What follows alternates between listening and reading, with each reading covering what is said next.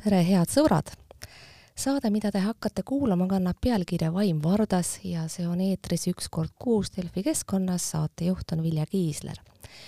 ja mul on täna hea meel öelda tere tulemast Loomingu peatoimetajale, luuletajale, muusika, muusikule ja väga heale muusikatundjale, saatejuhile Indrek Mesikepile, tervist! tere, ma ei tea, kas ma muusikuks võin ennast pidada ja, ja kas ma luuletajaks enam võin ennast pidada, aga, aga aitäh sissejuhatuse eest. endisi luuletajaid ei ole olemas, ma jääksin sellise seisukoha juurde, kui sa lubad. aga alustagem võib-olla sinuga jutuajamist sellest, mul on ühest intervjuust välja nopitud säärane tsitaat. minu jaoks on kõige negatiivsemalt mõjuv osa päevast umbes praegune, osutab akna poole, pärastlõunane aeg intervjueerija on märkinud sulgudesse, et kell on parasjagu viisteist nelikümmend kuus. Ja ma vaatasin kella enne meie salvestuse algust, selle nimetatud kellaajani on jäänud mõned minutid. miks ometi? Valisid sa meie kohtumiseks aja, mis ei ole üldsegi sinu lemmik päevas? no minutid äh, siin jah, midagi ei määra, pigem äh, küsimus on selles valguses ja ei, ma ei valinud küll nüüd sellepärast, et ähm, et on halvim aeg päevast? jaa, ei kindlasti mitte selleks, et et olla väga sapine ja anda äh, väga negatiivseid vastuseid, see ikkagi juhtus kuidagi praktilistel asjaoludel niimoodi. arusaadav. ma võib-olla algatuseks, äh, nii palju võib-olla ette öeldes ka veel, et tahaksime sinuga rääkida Äh, luuletaja enesetundest maailmas kriiside keskel ja võib-olla haarata kaasa siis kaks suurt teemat, Ukraina sõda ja Eesti poliitiline olukord. aga enne veel tahaksin ma puhtalt ka isiklikult uudis, uudishimust ja ma arvan, et ma ei ole ainus, keda see huvitab, pärida selle järele, kuidas sa tunned ennast nendes ette loetud rollides, mida on palju ja mind huvitab eelkõige just pinge luuletaja olemise ja loomingu peatoimetamise vahel. sa küll ütlesid praegu, et sa pead ennast eelkõige endiseks luuletajaks, aga mina vaidlen siinkohal otsustavalt vastu ja jään selle juurde, et kui inimene juba kord on luuletaja, siis ta ikka vist jääb selleks, isegi siis, kui ta juhtumisi enam midagi kirjutama ei peaks. no jah, äh, seda ma olen ka varem öelnud et ega ma ennast väga, väga luuletajana ei ole üldse kunagi tundnud. Eh, loomingu peatoimetaja ma ameti poolest olen ja seda ma pean nii hästi tegema, kui ma oskan, et mitte inimesi alt vedada mulle meeldib sinu luule väga ja ma tean, et sul on väga palju andunud lugejaid, kes aeg-ajalt ikka ja jälle sinu juurde, luule juurde tagasi pöörduvad ja mulle tundub, et ma ei tee su sulle luuletajana ülekohut, kui ma ütlen, et sinu luule on alati olnud teatavas mõttes sotsiaalselt tundlik. on see kuidagi olnud selline mm, teadlik valik või oled sa ennast ähm, või oled sa luuletajana kujunenud sellise sotsiaalselt tundliku närviga äh, kirjutajaks, sellepärast et sa oled säärane inimene? see kindlasti ei, ei ole teadlik valik. Pigem ma ikkagi kirjutan asjadest, mis mulle korda lähevad ja üritan, vabandust, ja üritan siis äh, nii hästi, kui ma oskan oma mõtteid või tundeid väljendada nii täpselt ja äh, nii lakooniliselt, kui ma oskan, et seal midagi liigset ei oleks. Pigem ma olen niimoodi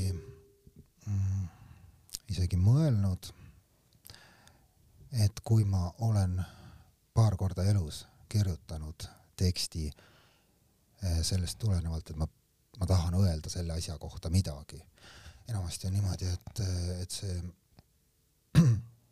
tekib teistmoodi, mingi olukord või, või mingi tunne hakkab trigerdama ja hakkavad peas juba mingid sõnad, read, mingisugune laviin voolama. aga kui väga hea luuletaja, väga armas inimene Kalev Keskküla, kes on meie hulgast lahkunud kahjuks, eh, kui ta töötas Eesti Ekspressis ja mõned korrad tellis minu käest nädalaluuletuse, siis ma mõtlesin küll niimoodi, et ahah, et okei okay,, ma ju oskan seda asja teha ja kusagil on mingi probleem ja siis ma kirjutan. ja need tekstid mulle endale tagantjärgi tunduvad äh, kunstlikumad, kehvemad.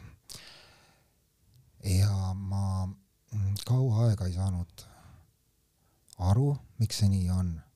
ja nüüd sel aastal maise matka poolel teel mm, ma sõitsin trolliga, vaatasin aknast välja, ma ei mäleta, mis mõtted mul enne olid, aga lõpuks jõudis see mõte sinna, et äh, põhjus on vist selles, et äh, kuigi ma ise arvan, et mu luuletused on, olen siiamaani arvanud, et nad on äh, lihtsalt mingite tunnete, mõtete, seisundite edasiandmised, aga vist minu puhul ma ei, ma ei anna mingit retsepti, ma ei ütle, kuidas teised peaks tegema või, või, või ei ütle, kuidas teiste, teiste puhul, mis on parem ja mis on halvem.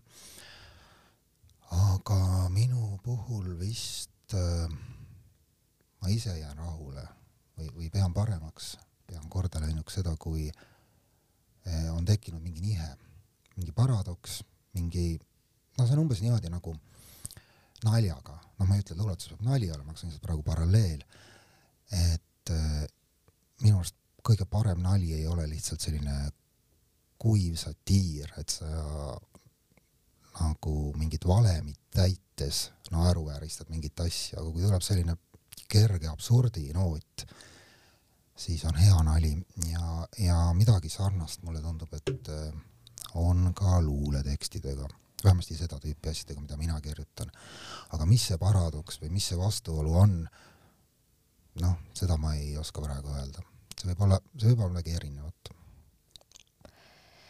ma hakkan meid tasapisi juhatama Ukraina sõja juurde ja mulle annab päris hea ajendi seda teha sinu enda üks päris vana intervjuu aastast kaks tuhat neli, kus sa oled öelnud säärast.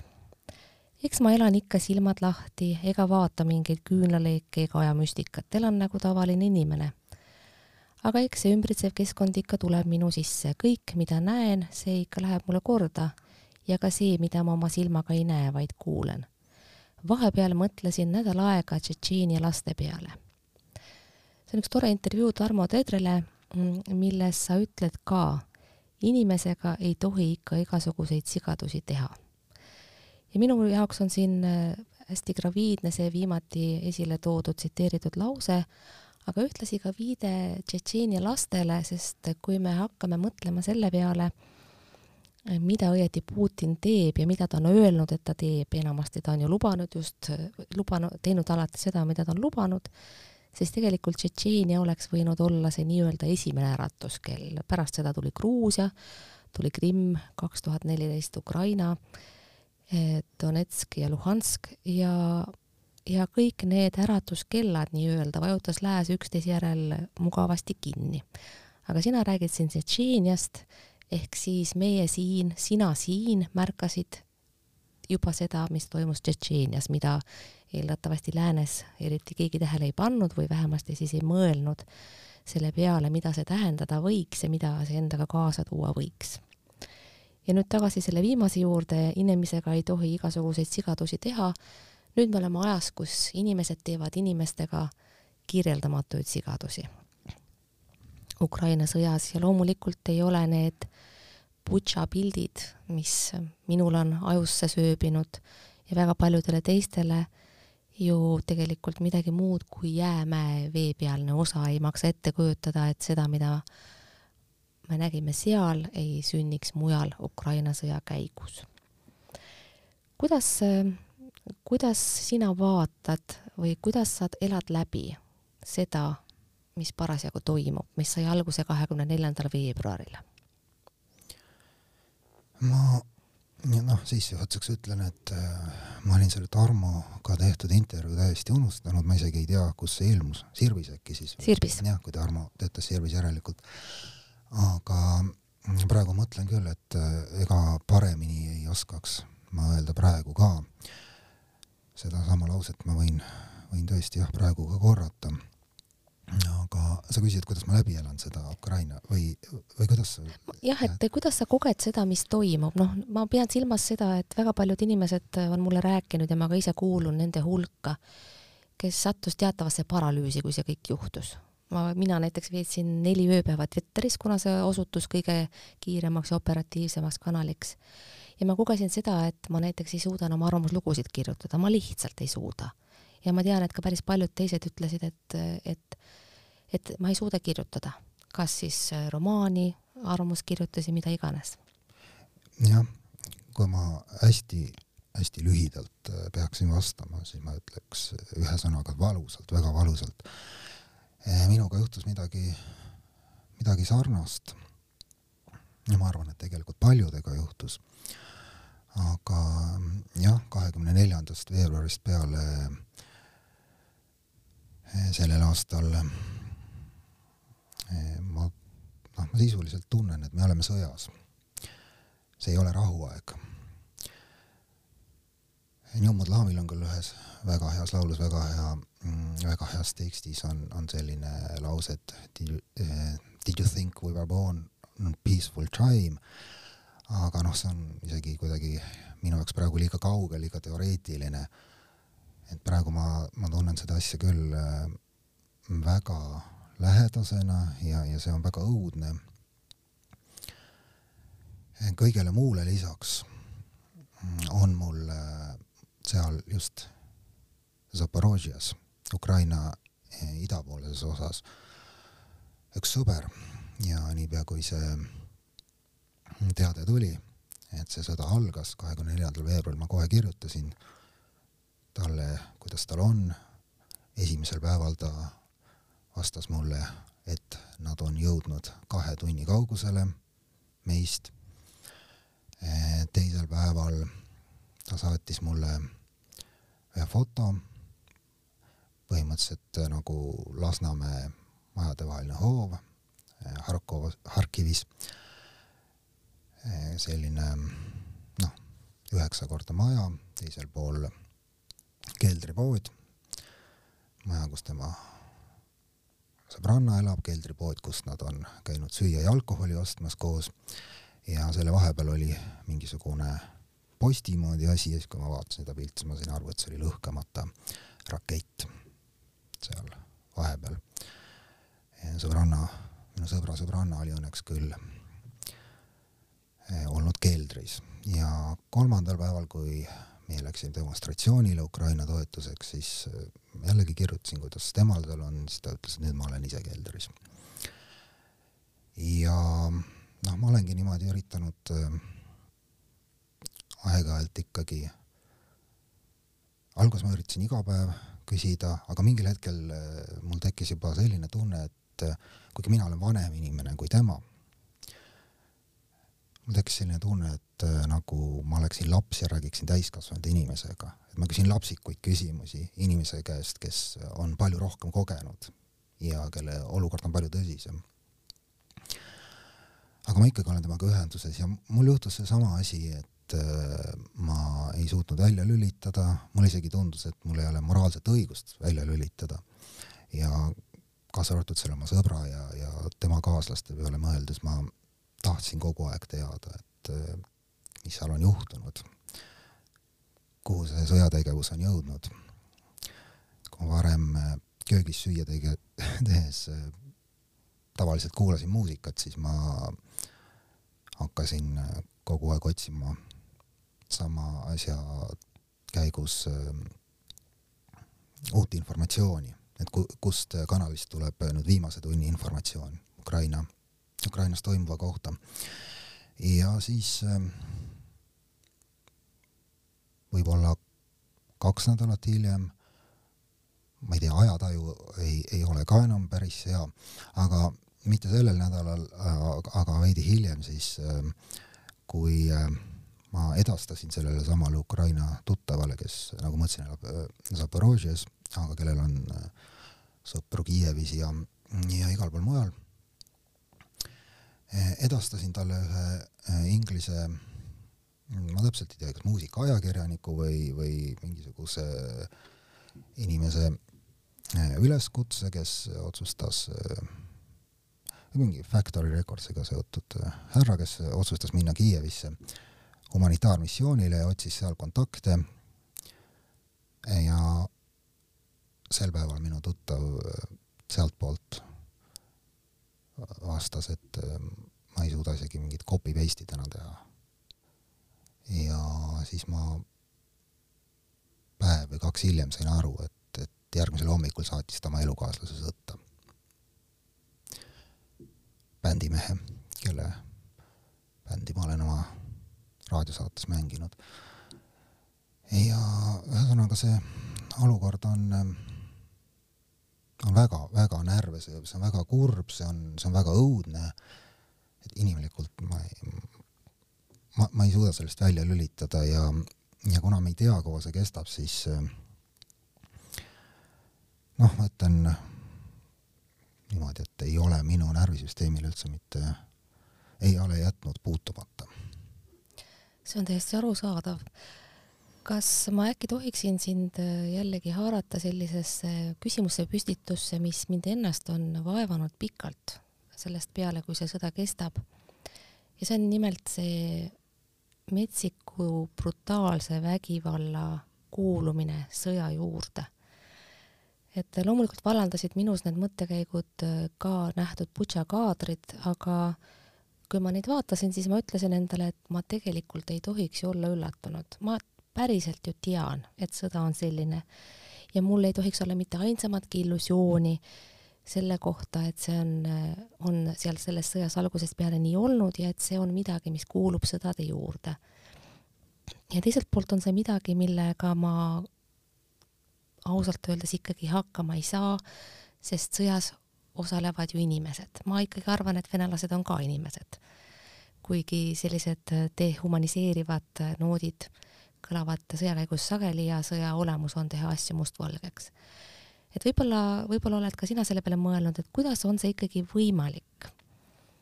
Eh, seda liiki mägi, vägivald, mis noh, mille kohta me ütleme, et see on ebainimlik, aga see on selles mõttes ebatäpne sõnakasutus, kuna me teame, et eh, säärased asjad on võimalikud ja inimesed teevad neid inimestele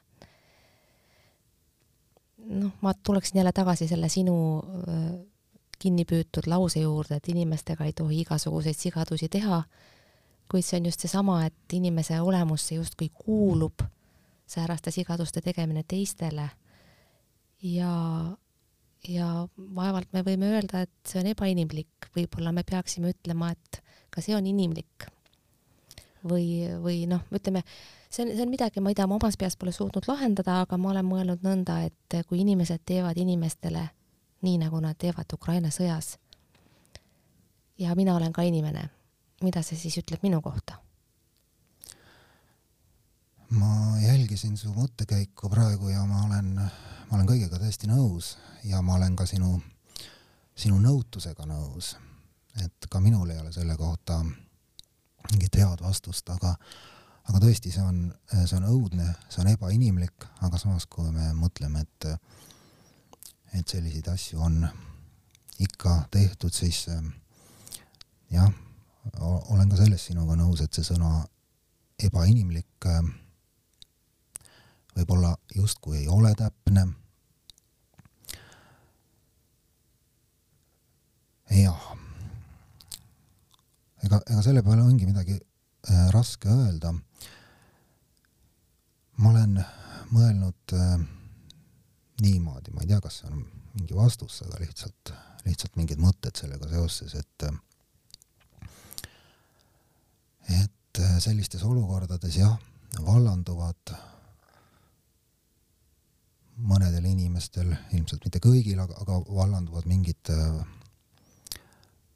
väga, väga halvad tungid ja, ja seal äh, on ka kindlasti äh, mängus see, et seal ähm, no ma olen ise olnud äh, koolikiusatu. Ja ma arvan, et kui suurem osa klassist oli minu vastu, ega nad kõik ei olnud halvad inimesed, aga seal tekib mingisugune massipsühhoos, seal on mingi teine olukord. Ja ma arvan, et äh, kõik inimesed ei noh, kui ma räägin koolikiusatuse seisukohast, kõik ei, ei ei teinudki seda võib-olla mingist sadismist või julmust, aga, aga võib-olla neile tundus, et, et see inimene ongi kuidagi tropp, et äh, sa viitad karjakäitumise fenomenile põhimõtteliselt? karjakäitumise fenomenile. et, et mingisugused sellised asjad mängivad seal kaasa ja ja mul oli samamoodi, et, et ma ju mäletan reaalajast Jugoslaavia sõdasid ja neid õudusi, mida tookord meedias räägiti ja Tšetšeenia sõdasid. ja see oli ka üks põhjus, miks ma hakkasin oma Ukraina tuttavate pärast muretsema. ma tõrjusin seda mõtet oma peast, aga ma ikkagi noh, tahtsin saada kinnitust, et midagi sellist ei ole juhtunud. Ja sellele vaatamata, kui, kui, kui need Butša pildid tulid ja need faktid, kuigi ma olin ju juba enne kartnud, et mingid sellised võivad juhtuda, aga see oli ikkagi šokk.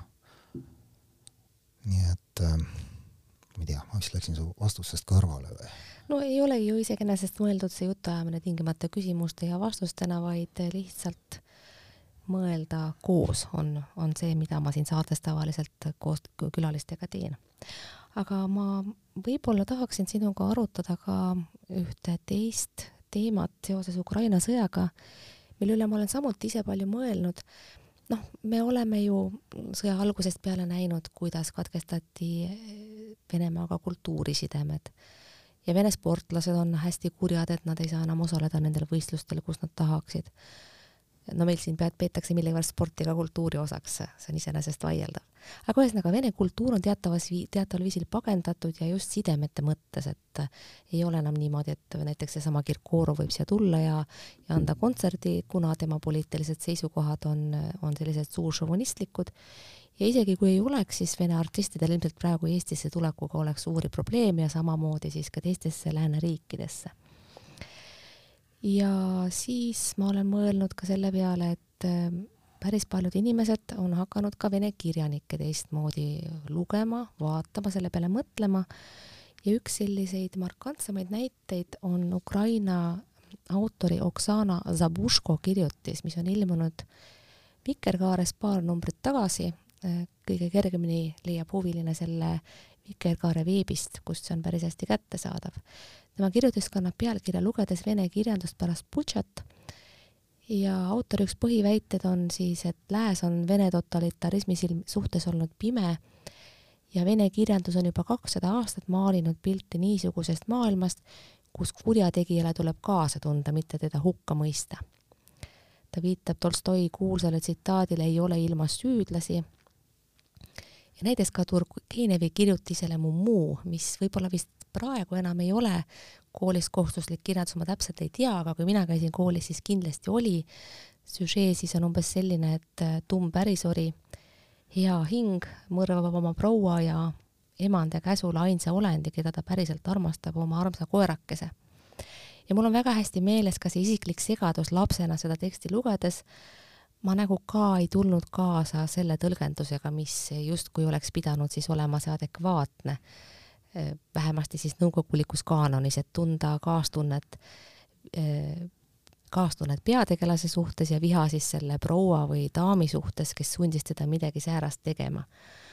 aga see ukrainlannast autor ütleb, nüüd tunnen ma selle koolituse pealt kujundatud inimesed ära nondes, kes vannuvad Putinit, kuid haletsevad samal ajal sõdureid keda Putin saadab Ukrainasse mõrvama palju enamat kui koerakesi. vaesed poisid, kuidas nad kannatavad? ja noh, kui siia äh, Tolstoi ja Turgenevi juurde panna veel näiteks Dostojevski, keda ma olen elu jooksul korduvalt lugenud suure huviga, siis äh, tema peale mõeldes ma äh, vaatan ka natuke teistsuguse pilguga seda, mismoodi ta kirjeldab inimlikku alandust, milles siis äh, tegelased võivad väherda, millele peaks justkui ka kaasa tundma ja seda sügavat irratsionaalsuse õigustust, mis läbib kõiki tema teoseid ja mis, kui iseenesest järele mõelda, tõepoolest ongi sügavalt venelik, ma ei tea, kuidas sinul on, aga näiteks Idiooti lugedes või Kuritööd ja karistust uuesti üle lugedes olen ma alati imestanud, et et kuidas inimene küll selline on. Et mina selliseid inimesi ei tea ja noh, Eesti kultuuris ei ole, ei ole midagi võrreldavat kõrvale panna, et kas tõesti inimene on selline.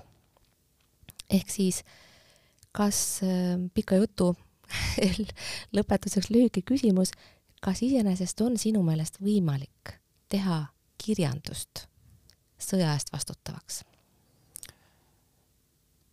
no sellele küsimusele võib tegelikult äh, vastata nii ja naa. et kindlasti äh, on, on mingit kirjandust, mis ta, mida saab äh, teha vastutavaks. kas nüüd, kas nüüd need konkreetsed teost-, jah, ma lugesin ka seda artiklit ja see on, see oli väga hästi, väga veenvalt kirjutatud. seda lugedes ma ise mõtlesin, et, et kas ma olen nüüd päriselt nõus. Ja, ja ma ei jõudnudki äh, nagu täielikule selgusele selles asjas. aga, aga sellega ma olen küll nõus, et, äh, et et Venemaa suhtes jah, on äh, lääne inimestel sageli kummalised arusaamad. ma ütlen kohe, et ma ise ei ole kindlasti mingi russofoob mitte kunagi olnud. minu lapsepõlve üks helgemaid tegelasi oli venelannast hoidja.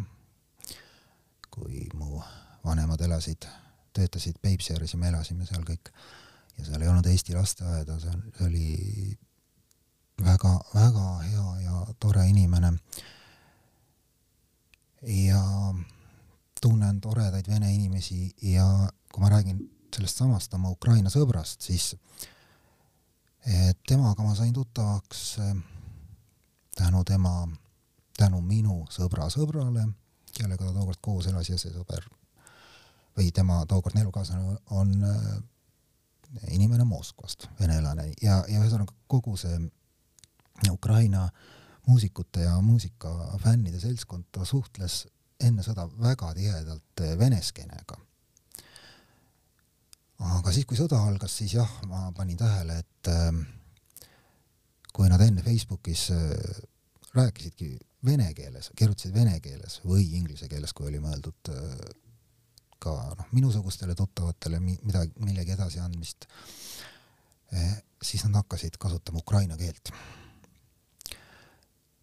aga ühesõnaga jah ähm,, see oli pikk sissejuhatus, mis läks natukene lappama, aga kindlasti ma ei, ei ole mingisugune venelaste või vene kultuuri vihkaja, aga seda ma olen küll tähele pannud, et äh, et paljud lääne inimesed, lääne vasakpoolsed ma ise olen ka oma maailmavaatelt vasakpoolne, ma leian, et äh, ühiskond äh, päris turureeglite järgi ei lähe paika, ei pane nähtamatu käsi asju inimlikult paika, seal võiks olla sotsiaalsüsteem ja, ja tugevam sotsiaalsüsteem, kui meil on ja, ja nii edasi. et ma olen ka noh, võib öelda mõõdukalt vasakpoolne. aga just selle sõja ajal ma olen nüüd tähele pannud, kuidas äh, minu läänes elavad Facebooki, äh, Facebooki sõbrad äh, väga kummalisi asju need väljendavad.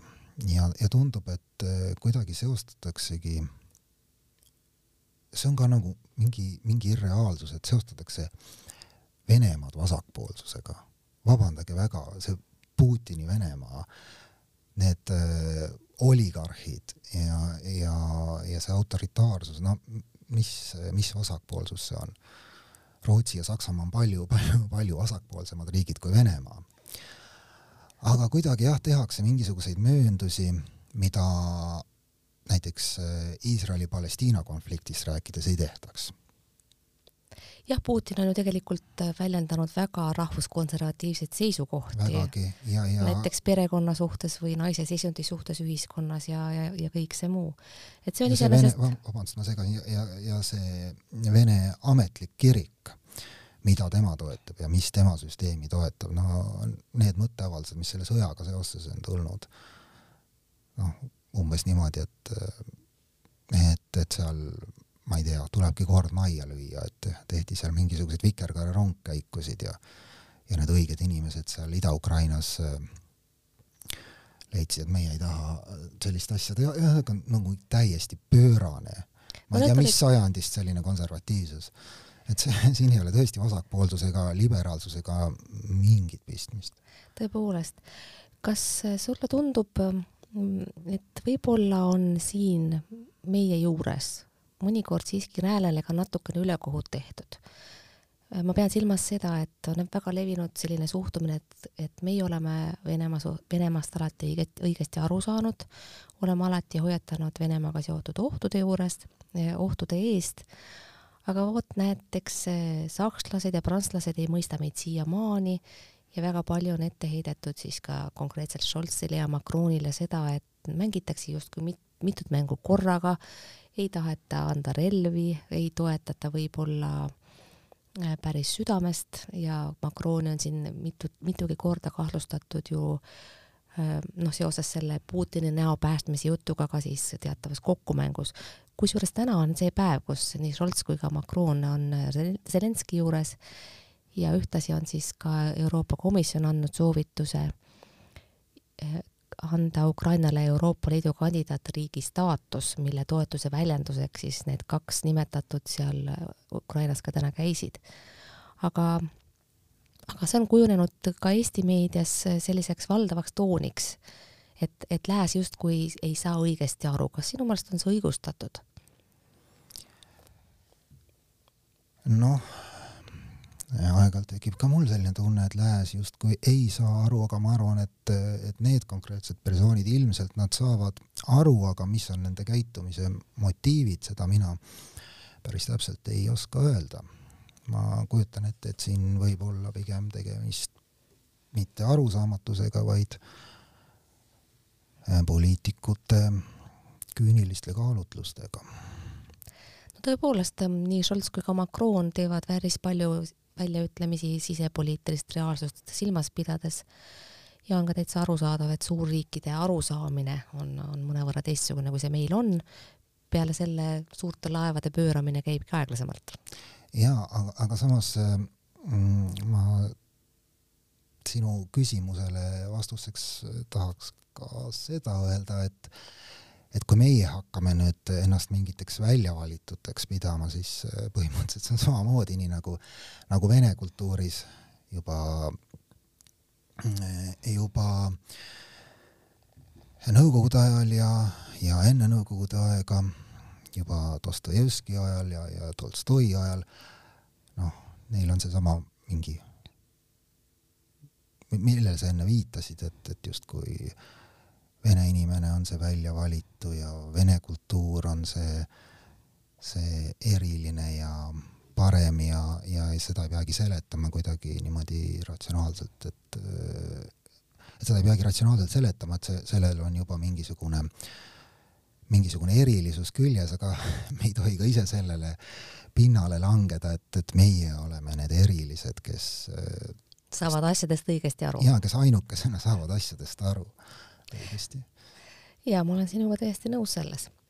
Indrek, ma tahaksin sinuga lõpetuseks ikkagi rääkida paar sõna ka Eesti sisepoliitikast, kuna praegu on erakordselt huvitav aeg, käivad koalitsioonikõnelused, mäletatavasti siis Reformierakonna peaminister Kaja Kallas viskas Keskerakonna ministrid valitsusest välja ja peab praegu läbirääkimisi sotsiaaldemokraatide Isamaaga. viimane on siis ennast esitlenud priske pruudina, kellest sõltub Eesti poliitika tulevik ja millegipärast ei kao kuhugi kahtlused, tõsi, nad on nüüd küll natukene viimastel päevadel vähenenud, et Seeder, Helir-Valdor Seeder, Isamaa esimees, võib siiski puhuda pilli lõhki, öelda pärast äh, läbirääkimisi Reformierakonna sotsiaaldemokraatidega, et ups, proovisime küll, aga välja ei tulnud, meie tahame ikka oma lapseraha ja elektrituru reformi ja mida kõike veel. Noh, ja siis lõpeb asi sellesama vana hea või halva, kuidas kellelegi, EKRE ikkega. Mis sina arvad, kuidas see lugu läheb ja võib-olla siis ka äh, väljendaksid seda, missugused on sinu eelistused poliitilise tuleviku suhtes? kuidas see läheb, seda ma, ma kohe ütlen, ma ei söanda prognoosida, aga mida ma sooviks või pigem mida ma ei sooviks, seda, seda ma võin küll öelda, jah. EKRE on küll minu arust äh, noh, kõige halvem asi. EKRE valitsuses oleks äh, meie ühiskonnale kõige halvem asi, sellest halvem on ainult sõda. see oli juba siis, kui nad äh, esile kerkisid, siis kui nad valitsusse said. aga kui me praegu vaatame, mis Euroopas ja maailmas toimub, kuidas äh, Ungari selles sõjaolukorras käitub või täpsemalt äh, Ungari juhtkond Orban oleks õudselt äh, kahju, oleks maailma pärast, Euroopa pärast, Eesti pärast, Ukraina pärast kahju, kui kui ka meil oleksid sellised paremäärmuslased valitsuses, kes äh, hakkavad Ukraina toetamist äh, takistama. Nad küll äh, praegu muidugi sellist juttu ei räägi, aga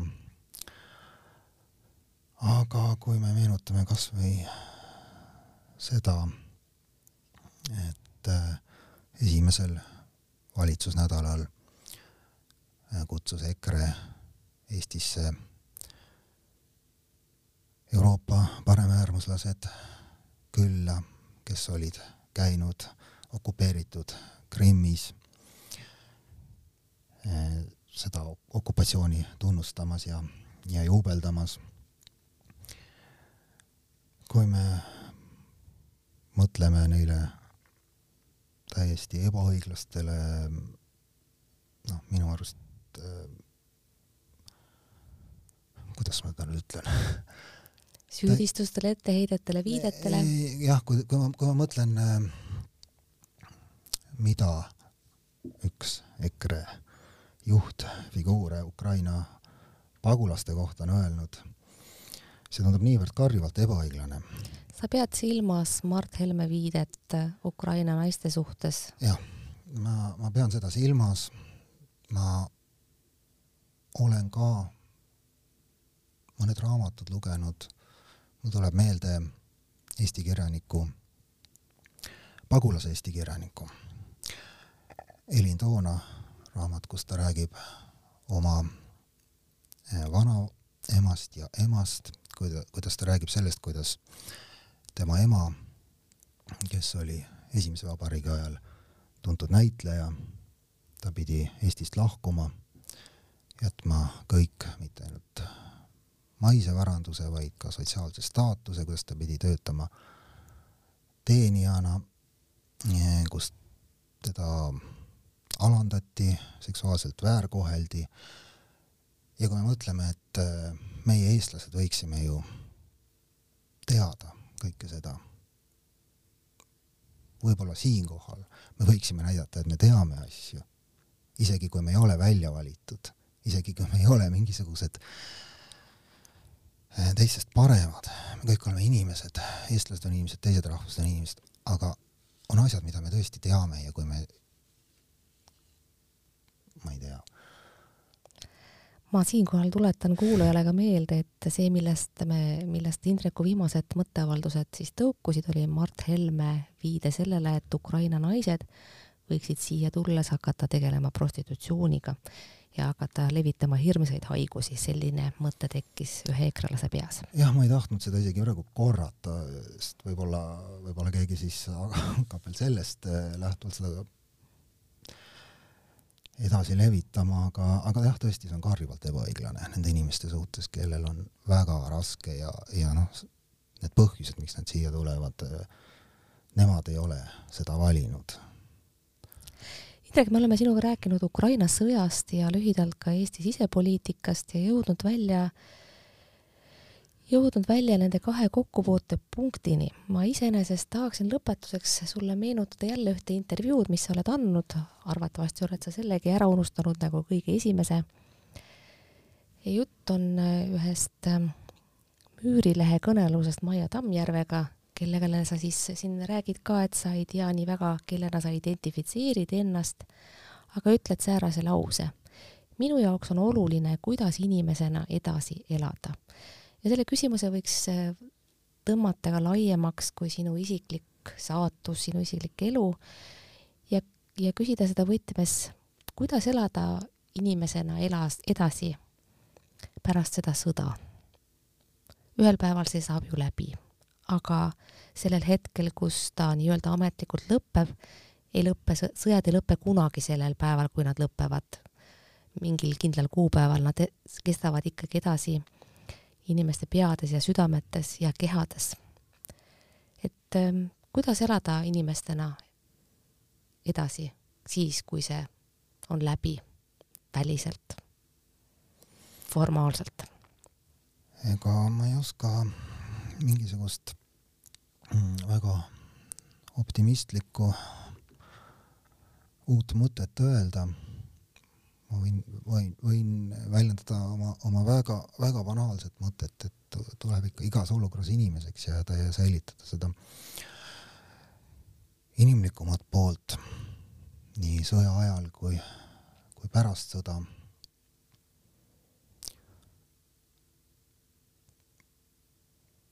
ma ei tea ise, mida, mida ma, mida ma tunnen, kui see sõda veel kaua kestab. ma ei, ma ei tea, millal ta lõpeb. ja ma ikka loodan, et ma näen seda, kuidas ta on lõppenud. aga ma ei tea, mida ma siis tunnen ja kuidas see mind muutnud on tõepoolest, see on säärane küsimuse püstitus, millele ei olegi ju võimalik adekvaatselt vastata, me ei tea me saame seda teada alles siis, kui see hetk on käes. ja, ja siis me tunneme ennast ära nende inimestena, kes me olime või siis nendena, kelleks me oleme saanud. Indrek Mesikepp, ma tänan sind kogu südamest selle vestluse eest ja tänan ka kuulajaid, kes võtsid vaevaks meiega sellel teekonnal kaasas olla. saate pealkiri oli Vaim Vardas, see on Delfi keskkonna veebisaade, mis on eetris kord kuus ja mille saatejuht on Vilja Kiisler. eeldatavasti on ta seda ka järgmisel korral, külaline on aga siis hoopis teine. aitäh, et kuulasite, jääme kuulmise ja nägemiseni, kõike head! aitäh!